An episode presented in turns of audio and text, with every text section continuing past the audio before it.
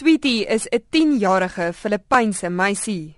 Sweetie het op pornografiese webtuistes mans uitgenooi om aanlyn seks met haar te hê met behulp van webkameras. Meer as 1000 mans het gereageer en aangebied om haar vir haar dienste te betaal. Maar Sweetie bestaan nie in werklikheid nie. Sy is die skepping van die drukgroep Terre des Hommes Netherlands en het daartoe gelei dat 'n lys van name aan die polisie oorhandig is. Die drukgroep wil nou hê dat die polisie op die pedofiele moet toeslaan.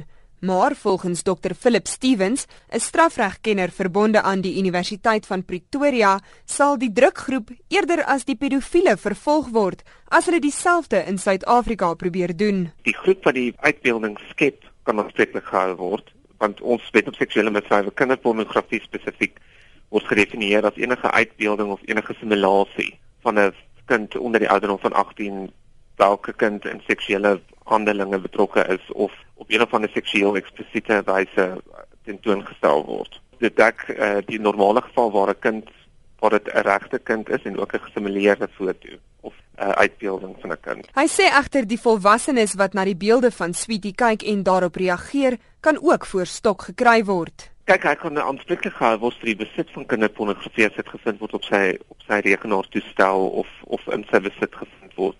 Hy sê die pedofiele is onder valse voorwendsels uitgelok en kan nie fisies 'n misdaad pleeg soos om 'n kind seksueel te misbruik as die kind net in die virtuele wêreld bestaan en nie 'n klag kan lê nie. Vir die feit dat hy die simulasie van die kind eintlik kontak, kan hy dit sal basies maar neerkom op 'n onmoontlike tipe van poging om die misdrijf te pleeg omdat die persoon nie self bestaan nie. Dit is eintlik al 'n valse persoon wat al simulasie wat geskep is. Dit sal afhang van al die omstandighede van die geval. Maar in so 'n geval sal hulle heel waarskynlik meer uit hoofde van van besit van kinderpornografie as hulle of besit van uitbeelding van 'n kind wat pornografiese tipe van uitbeelding op neerkom aanspreeklik gehou kan word.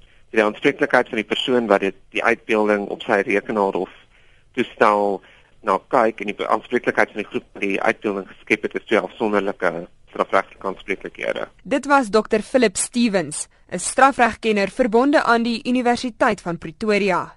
Ek is Henry Wondergem in Johannesburg.